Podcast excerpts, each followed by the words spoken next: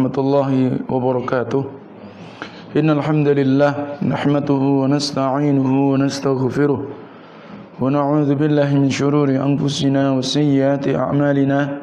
من يهده الله فلا مضل له ومن يضلل فلا هادي له.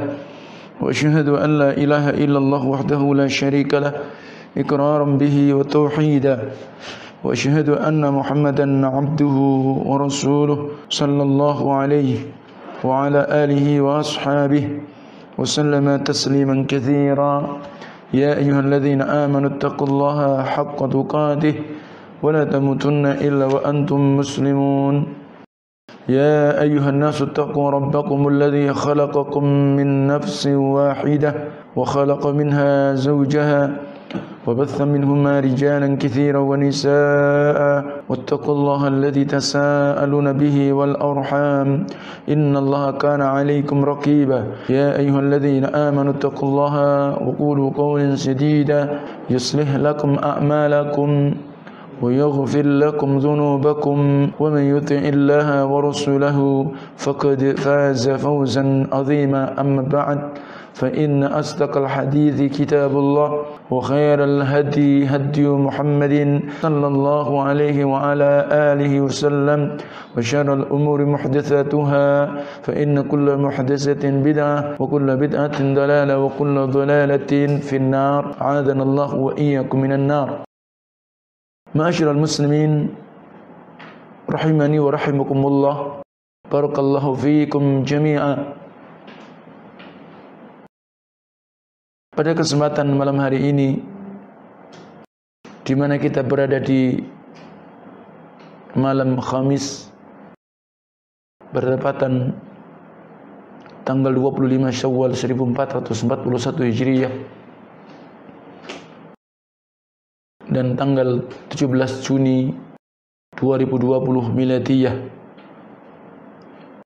Atas izin Allah Tabaraka taala kita dipertemukan Allah walaupun kita bertemu maka lewat taklim online semoga ini pula adalah menjadi sebab-sebab pertemuan dan perkumpulan kita pula menjadi ijtima' syar'i. Al-ijtima' ala ta'atillah adalah perkumpulan yang disyariatkan oleh Allah karena perkumpulan karena di atas ketaatan kita kepada Allah Azza wa Jal. Dan kita walaupun dengan taklim secara online maka semoga ini mewakili kita sebagai bentuk semangat kita untuk mempelajari agama Allah Tabaraka wa Ta'ala. Dan sebagai bentuk jihad kita di jalan Allah Tabaraka wa Ta'ala. Karena memang keadaan yang mengharuskan kita dalam keadaan yang demikian. Kita tidak pasrah dengan keadaan yang seperti ini. Kita pula tidak lemah. Walaupun di tengah-tengah tersebarnya wabah pandemi COVID-19 ini. Kita tetap bersemangat, kita tidak lemah, dan kita meminta pertolongan kepada Allah. Sehingga yang terpenting adalah doa-doa kita, karena doa sebagai senjata bagi kaum mukminin, doa sebagai penawar doa sebagai obat jikalau seseorang turunnya daripada bala ataupun ujian dan cobaan Allah tabaraka wa taala. Demikian disebutkan oleh para ulama. Demikian kedudukan doa. Barakallahu fikum. Kita pula berharap kepada Allah azza wa kerinduan kaum muslimin kecintaan kaum muslimin terhadap rumah-rumah Allah. Maka semoga Allah taala pula memberikan kesempatan dan segera dibukanya masjid-masjid Allah dan tentu dengan diangkatnya wabah yang sebagaimana melanda daripada keumuman di masa-masa kita ini.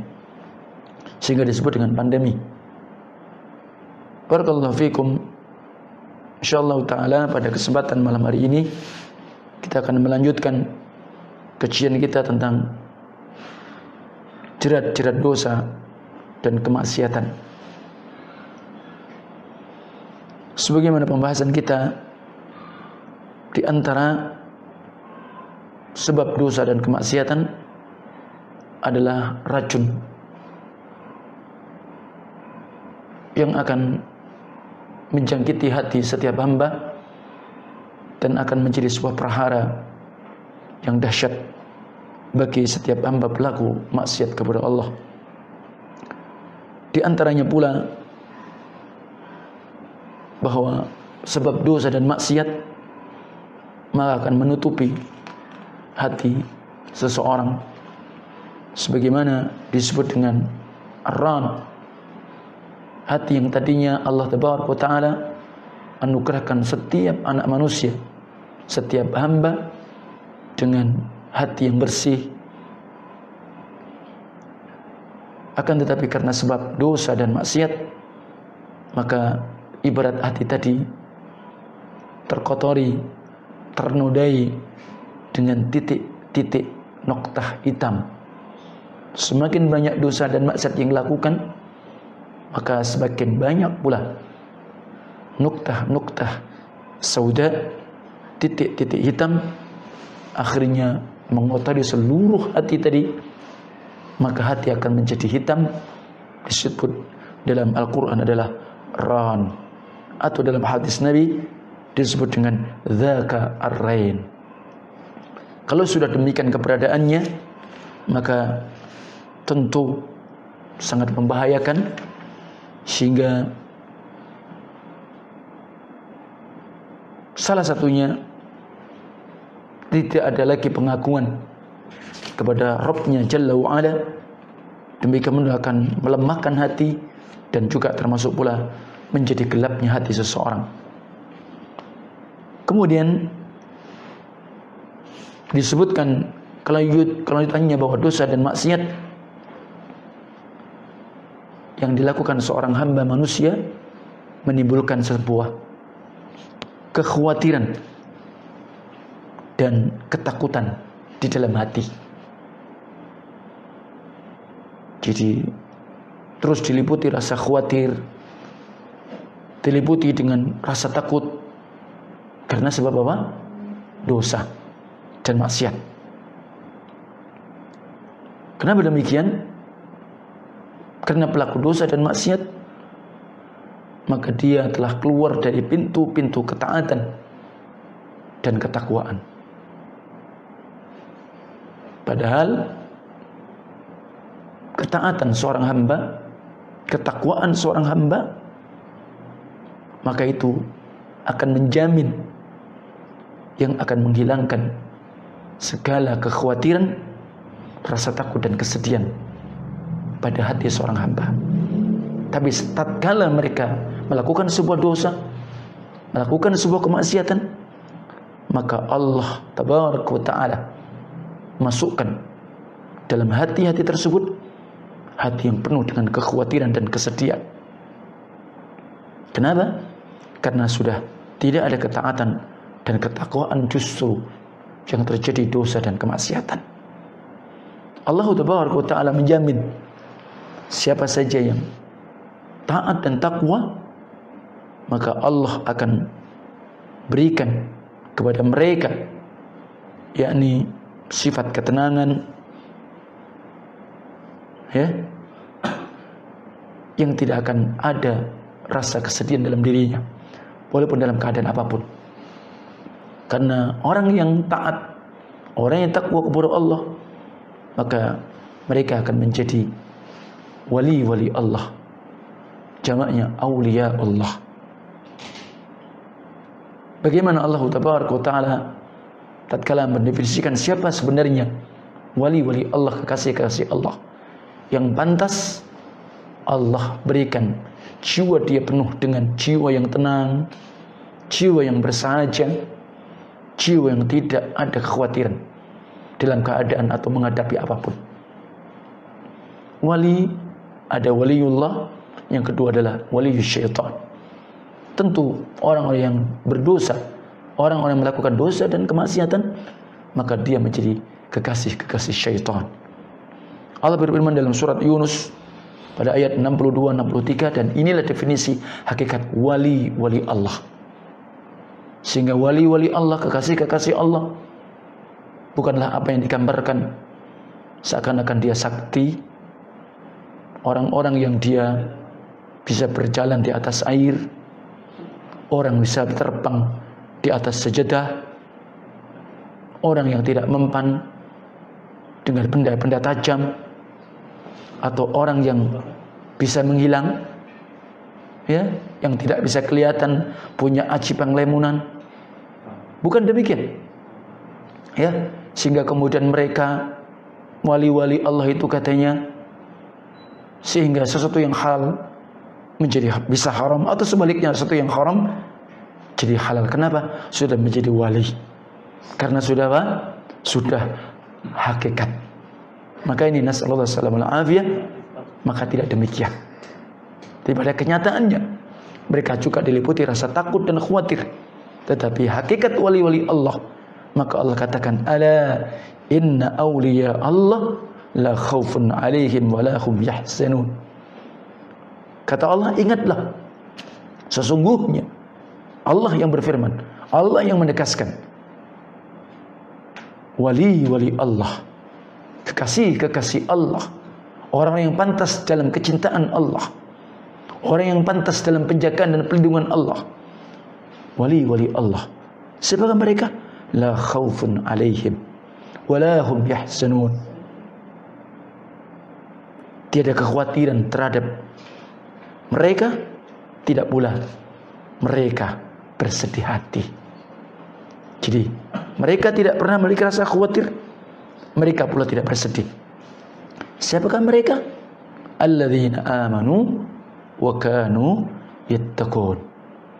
Mereka siapa? Wali-wali Allah tadi yang Allah sifatnya mereka tidak punya rasa khawatir. Mereka tidak punya rasa bersedih hati. Mereka adalah orang-orang yang beriman dengan keimanan yang jujur dan mereka adalah hamba-hamba yang takwa kepada Allah Azza wa Jalla. Maka tanpa ragu Siapakah di antara penghulu wali-wali Allah? Para anbiya wal mursalin, para nabi dan rasul. Setelah itu siapa? Yaitu ashabu Muhammadin radhiyallahu anhum ajmain. Para sahabat Rasulullah yang Allah semoga meridhai mereka semua. Mereka generasi terbaik dan kemudian orang yang berjalan di atas yakni jalan yang mereka tempuh dalam akidahnya, keyakinannya, dalam ibadahnya, ketaatannya, ya. Kemudian dalam bagaimana dakwah mereka, perjuangan jihad mereka, itulah yang pantas menjadi wali-wali Allah. Dan demikian pula adalah orang-orang yang memang mereka dipenuhi dengan sifat-sifat beriman dan takwa kepada Allah. Berarti mereka ahlu tauhid dan ahlu takwa. Ya. Jadi wali-wali Allah itu memang Allah berikan kepada mereka terkadang karamah, kemuliaan. Kemuliaan. Tapi bukan maksudnya bahwa setiap wali-wali Allah maka pasti dia punya karomah. Allah memberikan kemuliaan kepada mereka. Dan wali-wali Allah mereka kadang tidak tahu kalau mereka mendapatkan apa? Karomah dari Allah. Dan karomah yang Allah berikan kepada wali-wali Allah maka nggak bisa kemudian harus dipelajari sehingga ada ilmu karomah. Maka tidak seperti itu. Ya, tidak seperti itu. Dan kemudian wali-wali Allah tidak sebagaimana apa? manusia yang seakan-akan apa? menetapkannya. Jadi ada istilah wali pitu, ada istilah wali songo, ada pula wali songo likur istilahnya. Ya, kalau sudah sembilan, kemudian ada wali pitu, ya, nanti ada lagi muncul. Maka tidak demikian barakallahu fikum. Ya, yang sehingga mereka salah di dalam ya memposisikan menempatkan kepada mereka ya jadi mereka disebut wali-wali Allah kenapa karena keimanannya. Karena ketakwaannya. Karena jasa-jasa mereka. Yang tentu kita mengikuti mereka. Karena kebenaran mereka di atas tuntunan dan ajaran Allah dan Rasulnya. Bukan kemudian wali itu melanggar dengan tuntunan aturan Allah Taala.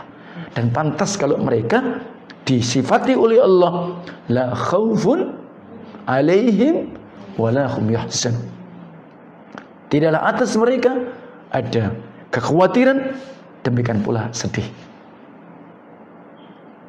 ya itu mereka karena memang mereka tidak akan pernah takut kecuali hanya kepada Allah mereka tidak pernah bersedih jika apa yang terluput bagi dia itu sifat mereka dan orang-orang yang beriman dan bertakwa kepada Allah Azza wa Jalla.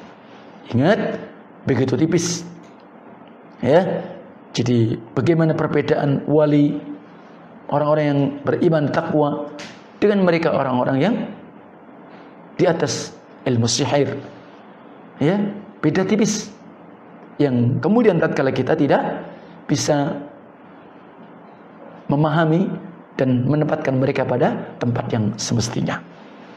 Nah, barakallahu fikum sehingga wali-wali Allah maka masing-masing orang yang beriman bertakwa maka mereka bisa ya tidak ada kekhususan ya tidak ada kekhususan hanya didapatkan oleh si fulan si alan saja tidak maka kita pun tatkala kita dalam kedudukan menjadi orang yang bertakwa kepada Allah, beriman kepada Allah, ahlu tauhid, maka kita akan bisa menjadi kekasih-kekasih Allah.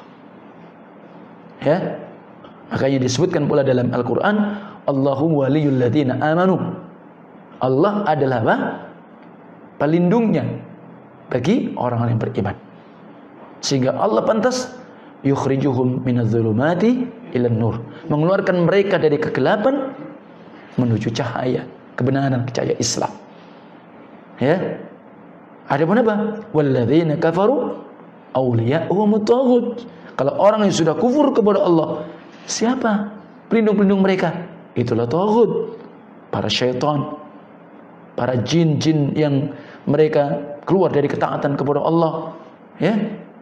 Justru kebalikannya. Yukhrijuhum minan nuri ila dhulumat mengeluarkan seseorang yang tadinya sudah di atas cahaya kebenaran menuju kegelapan kekufuran tadi. Nasallallahu salamah wal afiyah.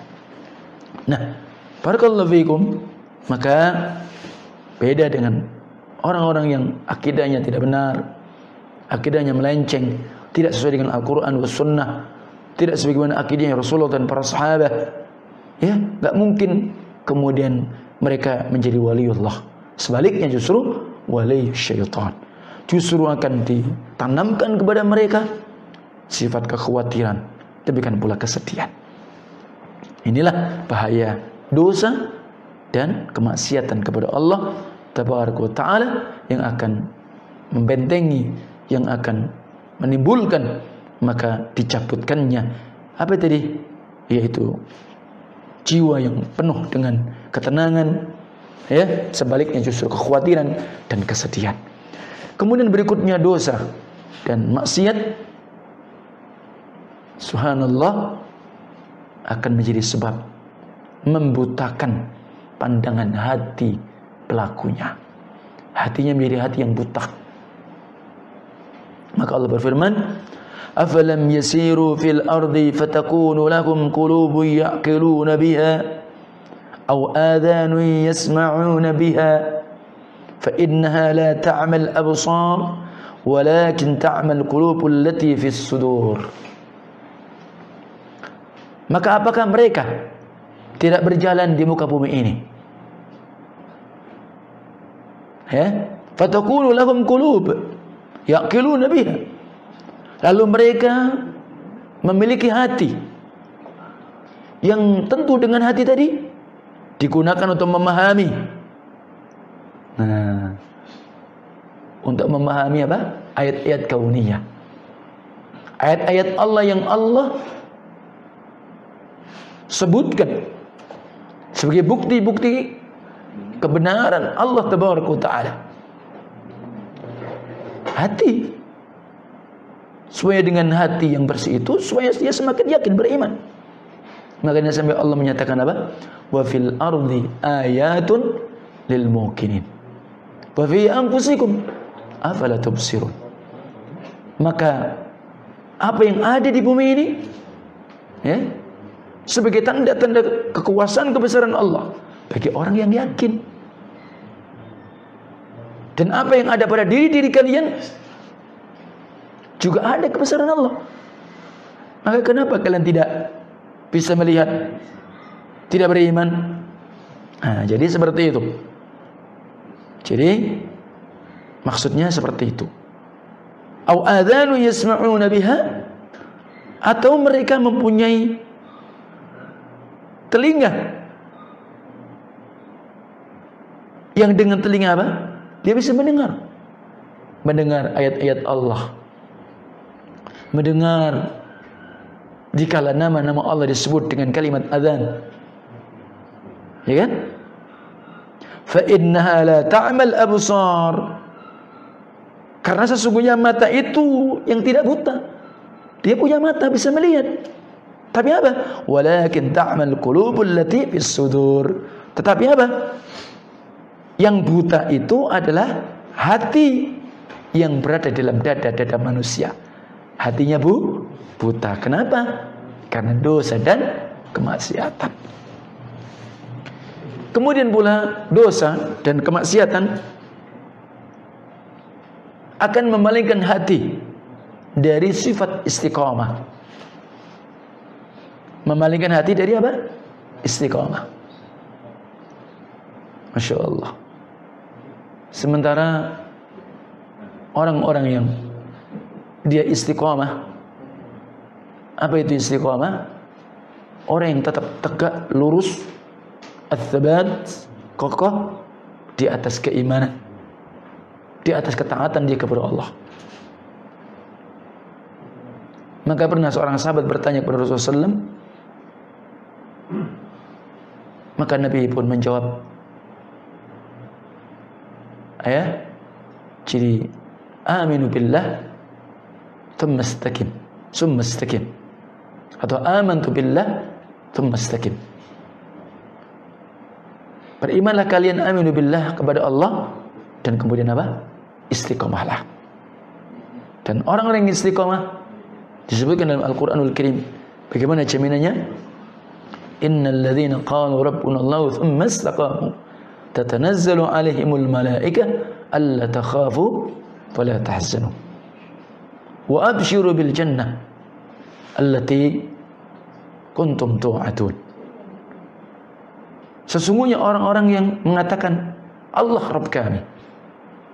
Jadi orang yang beriman kepada Allah dalam rububiyahnya, uluhiyahnya, asma wa sifat. Kemudian apa? Istiqomah. Tetap menjaga keimanan dia dalam keadaan apa pun. Dalam keadaan ujian apa pun. Ingat.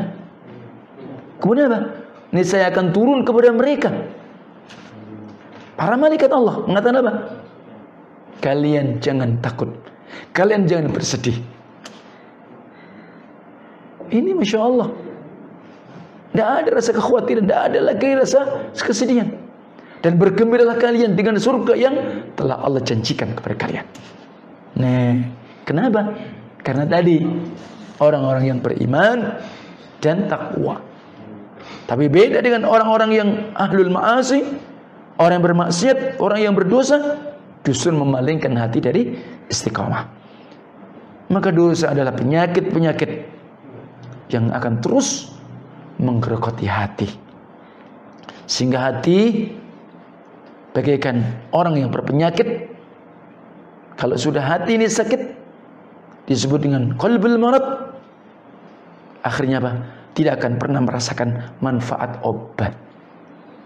Kalau hatinya sudah karena sebab dia banyak dosa, banyak maksiat, ya digerogoti.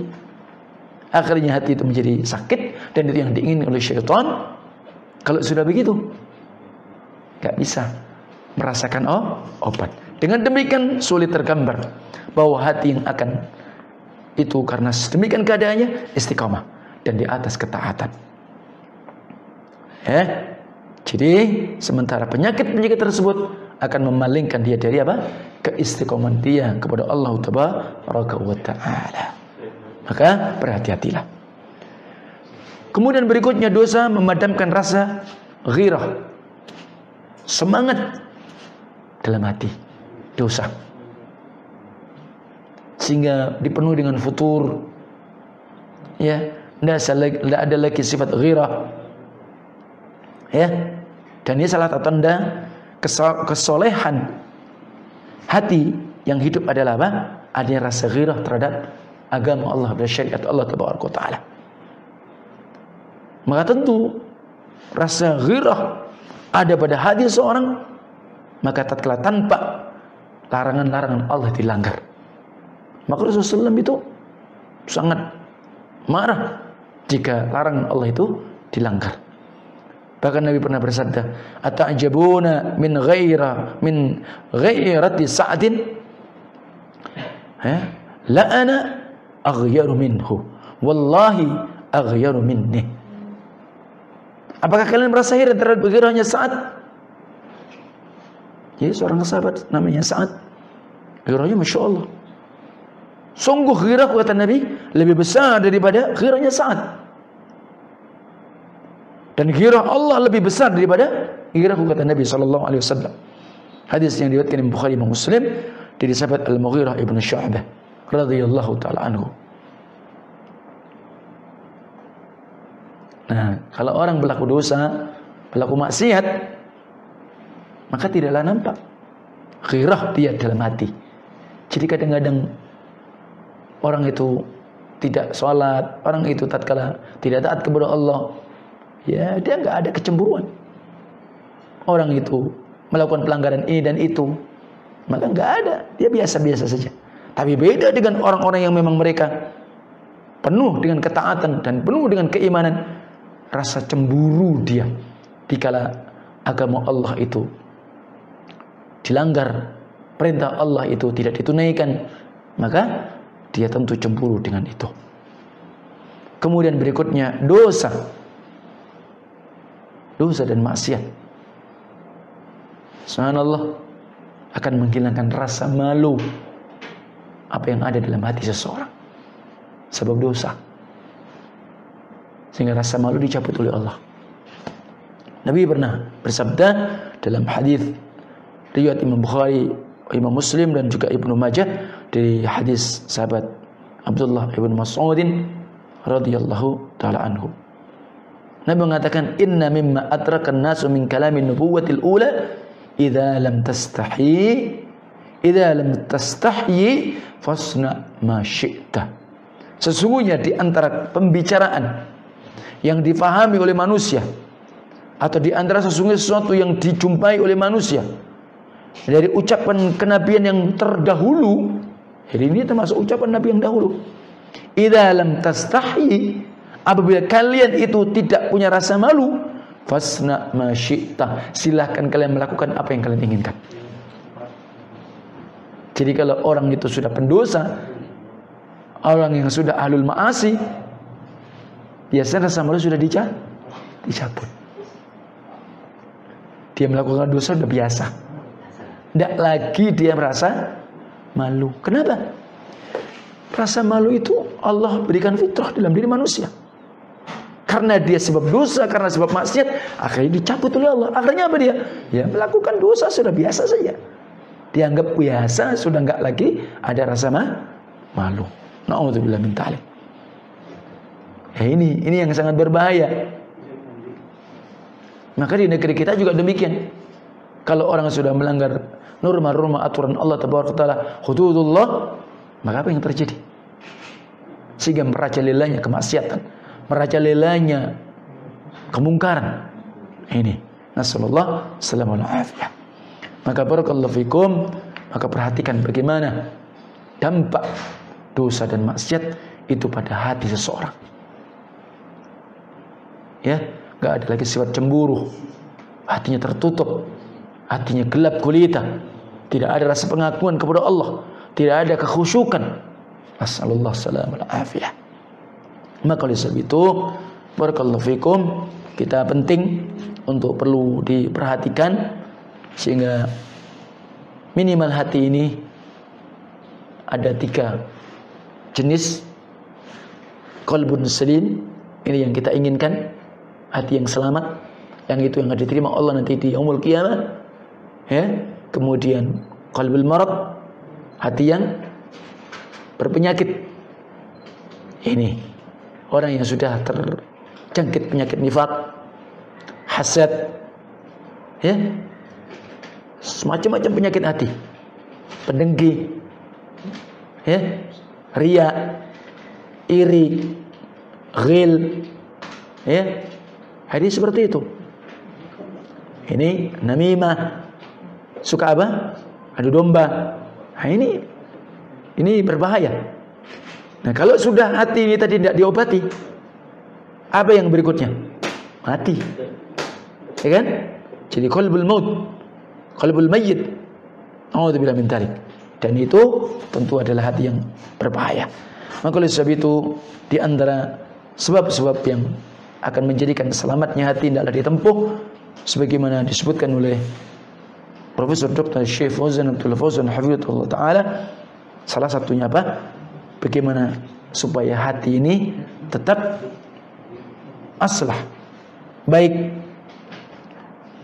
yang penting apa pertama di antaranya banyaklah berdoa kita tahu bagaimana posisi hati itu Selalu doanya apa?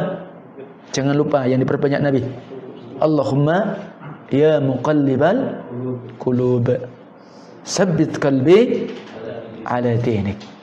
Ini Allahumma ya muqallibal qulub sabbit qalbi ala dinik. Ya Allah, Engkau zat yang telah membolak balikkan setiap hati. Maka tetapkanlah Berikan kami istiqamah hati kami di atas agamamu dan iman kepadamu. Nah, tatkala Rasul berdoa dengan doa tadi dan perlu kita untuk amalkan karena itu salah satu sebab-sebab terjaganya hati. Kita minta sama Allah kan? Dan juga ayat Quran seperti dalam surat Ali Imran, Rabbana la tuzigh qulubana ba'da id hadaitana wa hab lana min ladunka rahmah innaka antal wahhab. Rabbana kami, la tuzigh qulubana. Jangan engkau apa? Condongkan hati-hati kami kepada apa? Kesesatan. Ba'da idh hadaitana setelah engkau memberikan hidayah kepada kami. Wahab lana min ladunka rahmah. Maka anugerahkanlah disimu ya Allah rahmatmu. Innaka antal wahhab. Sungguh kau zat yang maha memberi hati. Yang kita inginkan apa tadi? Hati yang selamat, hati yang istiqomah. Nah, istri Nabi Aisyah bertanya, Ummul Mukminin radhiyallahu anha, "Atakhafu ya Rasulullah?" Nah, coba bayangkan, kenapa kok Rasulullah SAW berdoa, "Allahumma ya muqallibal qulub, tsabbit qalbi ala dinik." Ya Allah, berikan aku tetap di atas iman Islam kan begitu. Karena Allah yang memboleh balikan hati. Tetapkan aku di atas iman dan Islam. Aisyah bertanya, ya Rasulullah, apakah engkau takut? Artinya apa? Takut dari ketergelinciran. Takut dari kebengkokan. Wa anta Rasulullah. Loh. Sementara engkau Rasulullah. Nah, kita tahu bagaimana Rasulullah SAW. Maksum. Tapi kenapa Rasul berdoa? Kalau Rasulullah SAW berdoa, kita ini Gimana? Maka Nabi menjawab, "Ya Aisyah tuh. Wahai Aisyah." Ya. Tidakkah engkau beriman kepadaku? Tidakkah engkau percaya kepadaku? Wa qulubul ibadi baina isbi'aini min asabi'ir rahman. Hati-hati setiap manusia di mana tempatnya? Nah, ini tempat hati di antara dua ciri-ciri Allahu tabaraka wa taala. Nih. Ini hati-hati kita. Idza arada ayuqalliba qallaba 'abdun qallabahu. Apabila Allah mengendaki terbaliknya hati hamba tadi akan terbalik. Nah, ini. Maka kita ingat bagaimana Nabiullah Ibrahim Al-Khalil sampai berdoa, "Wajnubni wa baniya an na'budal asnam." Ya Allah, Nabiullah Ibrahim, jauhkanlah aku dan wabaniya keturunan-keturunanku dari apa? Mengibadai berhala. Beribadah kepada selain engkau. Sehingga kita ingat kisah Nabiullah Ibrahim sampai menghancurkan berhala-berhala yang di masa beliau itu memang hampir mayoritas umat waktu itu menyembah berhala yang dipimpin oleh Namrud. Apa yang akhirnya terjadi? Maka beliau pun disiksa dan dibakar. Apa sebabnya? Ya khafu min ibadatiha. Karena beliau khawatir kalau diibadahi. Hmm, jadi Memang itu yang dikhawatirkan. Karena beliau ya khafu min ibadatiha. Karena beliau pun khawatir kalau diibadahi. Benar. Karena li'annal quluba biyatillah. Kalau enggak itu dihancurkan. Ya, itu bisa saja terus akan seperti itu. Dan karena hati di tangan Allah taala. Dan falladhi adallan nas yakhsha Ibrahim. Dan maka yang banyak atau yang menyesatkan manusia ditakutkan oleh Ibrahim. Dan akhirnya Rabbi innahunna adlalna katsiran minan nas. Ya Allah sesungguhnya berhala-berhala itu yang telah menyesatkan mayoritas di antara manusia. Halo. jadi kita mesti juga khawatir. Dan fala yuzakki al insanu nafsa jangan sampai manusia merasa bersih. Ya. Dia sudah selamat. Mestinya bal yakhafu minallahi azza wa jal. Dia tetap takut dari Allah tabaraka wa taala. Sehingga dia minta apa? Ats-tsabat jadi kita jangan merasa apa? Sudah merasa aman dari kesesatan. Ini terus. Ya.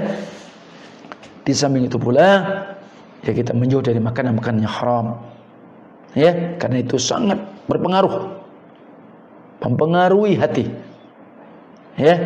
Beda kalau makan halal kan? Ya. Termasuk pula banyak zikir kepada Allah. Ya. Tapi kalau kita banyak ghaflah, lalai, ya rusak hati. Salah satu yang minimal ada lima kata Imam Ibnu Mulakin Syafi'i rahimahullah taala kita untuk menjaga hati di samping kita berdoa salah satunya apa? Jangan jauh dari Al-Quran. Untuk mentetapi Al-Quran. Mempelajari, memahami Al-Quran dan mengamalkan Al-Quran. Ini penting. Nih. Karena jelas obat kita. nggak ada obat. Yang paling mujarab untuk orang yang beriman. Untuk seorang mukmin Dari penyakit apa pun. Dari Al-Quranul Karim.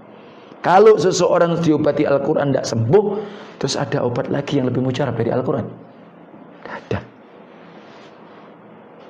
Sehingga kalau Allah mengatakan ma huwa shifa dan kami telah turunkan apa yang ada dalam Quran adalah obat bukan hanya sekedar obat hati seluruh penyakit mestinya dengan Al-Quran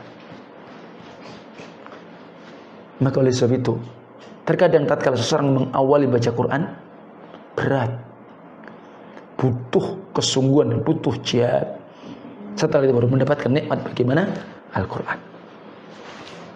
Kemudian apa? Perbanyaklah saum. om yang sunnah.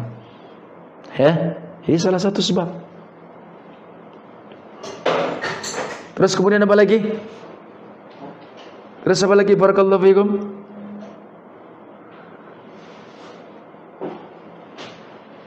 adalah ad-darr inda sahar ad-darr inda sahar artinya apa? Kita mendekat kepada Allah. Kita tawajuh kepada Allah di waktu-waktu sahur. Waktu-waktu yang mustajabah. Seperti kata akhir malam Allah turun ke langit dunia.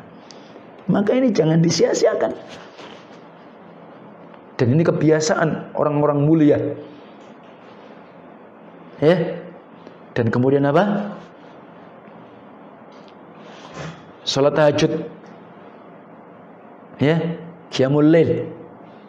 Dan kemudian majalisus salihin.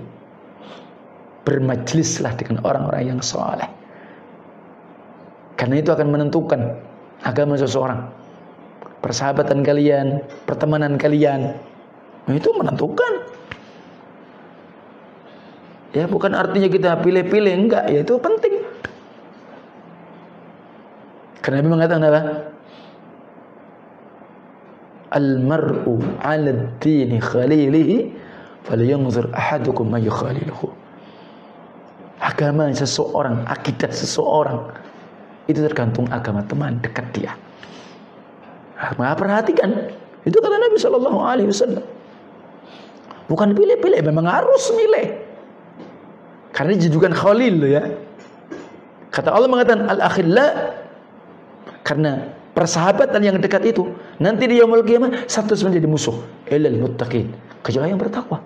Eh kalau kita nggak milih harus gimana? Karena itu menentukan agama kita. Menentukan akidah kita. Ya nah ini penting. Termasuk di kala antum juga apa? Ya menuntut ilmu. Mengambil ilmu. Ini bukan main-main dan itu diperintahkan. Dan itu para salaf seperti itu. Jadi disebutkan, jadi mereka itu mau duduk, bagaimana tentang akidah dia, bagaimana salat dia? Di atas sunnah atau tidak. Maka sampai kemudian bagaimana para imam-imam salaf ada yang menyebutkan Sufyan Ats-Tsauri rahimahullah taala mengatakan apa? Bahwa inna hadza al-ilma dinun Fangzuru amman ta'khuduna dinakum. Sesungguhnya Quran dan Sunnah ini agama. Maka hati-hati dari mana kalian menukil dan mengambil. Jadi ini penting. Jadi akidah mereka apa sebagaimana bagaimana seperti akidah Rasulullah SAW sahabat atau tidak. Itu sudah macam-macam. Karena timbul apa istilahnya interpretasi takwil dan tafsir yang aneh-aneh. Itulah akan membingungkan. Maka kita harus manhaj memahami Quran dan Sunnah. Bagaimana?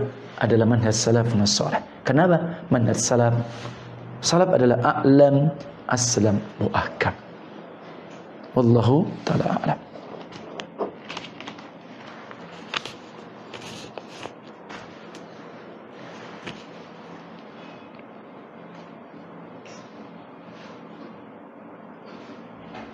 Iya. Jika kita sholat di rumah apakah harus adzan dan iqamah? Barakallahu fikum. Sebenarnya kalau tentang hukum adzan itu adalah fardu kifayah. Karena dengan adzan disyariatkan adalah al-i'lanu atau al-i'lamu dukhuli waktu salah. Pemberitahuan kalau sudah masuk waktu salat dan itu syariat. Dan itu adalah syiar agama Allah. Termasuk syiar yang besar. Dan sebagai tanda-tanda itu adalah sebuah negeri muslimin jika adzan dikumandangkan secara keseluruhan di negeri itu. Di masjid-masjid muslimin. Sehingga seperti itu. Ingat sehingga masya Allah kita di negeri kita. Umum loh maka di Pulau Lombok seribu masjid. Aceh serambi Mekah. Azan. Azan siapa pun. Nah, asalnya begitu. Adapun kemudian dikala sholat berjamaah di rumah, yaitu sunnah. Dan terlebih manfaat azan, azan itu salah satu bentuk rukyah syariah. Mengusir syaitan. Nah, sehingga ada salah satu jenis jin dari tukang halangan sihir itu namanya ghilan. Ya, maka di situ salah satunya diusirnya dengan azan. Azan. Adapun syariat azan itu bagi laki-laki. Wanita tidak ada syariat azan. Jadi yang azan ya yang ikomah dia haknya. Ya, adapun ada penetapan kalau itu di masjid maka seorang muadzin kapan dia ikomah yaitu menurut imam rawatibnya.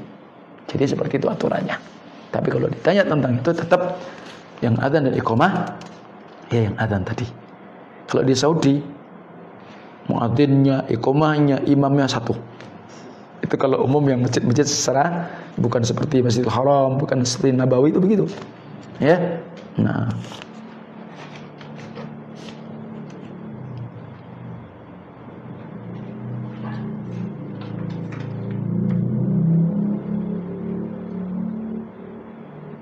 Subhanallah. Bagaimana hukum pengamal tarekah yang selalu mengkultuskan gurunya sebagai wali dan sebagai wasilah? Ya, bahaya. Salah satu pembatal-pembatal Islam kalau dia meyakini bahwa guru dia, mursyid dia, wali dia yang akan bisa menyampaikan kepada Allah. Menjadikan antara dia dengan Allah perantara dan ini bisa menjadi pembatal Islam bisa syirkun akbar. Kalau begitu memahami dia, saya tidak akan bisa sampai kepada Allah kecuali dengan wali atau guru saya. La haula wala quwata illa billah. Sudah suuzon pada dirinya. Gimana ya? Jadi kalau dia hanya meyakini guru saya ini Masya Allah yang membimbing saya, mengantarkan saya pada ilmu, sekedar itu. Sehingga dia hormat, dia ta'atim, ya nggak apa-apa. Tapi kalau sampai dia meyakini guru saya ini loh yang akan bisa menyampaikan saya supaya dekat dengan Allah. La haula wala quwata illa billah. Tanpa ragu salah satu pembatal-pembatal Islam disebut oleh para ulama adalah menjadikan apa wasilah perantara antara dia dengan Allah Taala. Lebih lebih disebut dengan wali kutub. Wah ini berat. Ya, hati-hati. Makanya toreko itu hanya satu. Ya toreko Rasulullah SAW Tarikatul Rasul Sallallahu Alaihi Wasallam. Tidak ada yang model torekot-torekot apa itu tidak ada. Ya, itu mengarah kepada tasawuf, sufi dan tidak dikenal di masa Rasulullah, para sahabat, para imam. Istilah tasawuf itu ya baru-baru apa dapat akhir kedua hijriah. Makanya hati-hati. Bagaimana cara menjaga diri agar selalu sibuk dengan ibadah? Artinya diluruskan dulu tauhid, pemahaman tauhid dia. Artinya setelah dia memahami tauhid dan dia faham tentang tauhid, maka insya Allah taala hidup ini senantiasa bermakna. Ya, ibadah jangan difahami hanya orang yang di masjid saja. Bahkan ibadah adalah kumpulan dari semua atau segala sesuatu yang dicintai dari Allah bisa ucapan bisa perbuatan zahir maupun batin sehingga bagi seorang ahli tauhid seorang mukmin seluruh aktivitasnya maka dinilai ibadah oleh Allah jika memang itu hanya apa? Inna salati wa nusuki wa mahyaya wa mati lillah rabbil alamin. La syarikalah wa bidzalika umirtu wa ana awwalul muslimin. Begitu. Ya? Nah itu insyaallah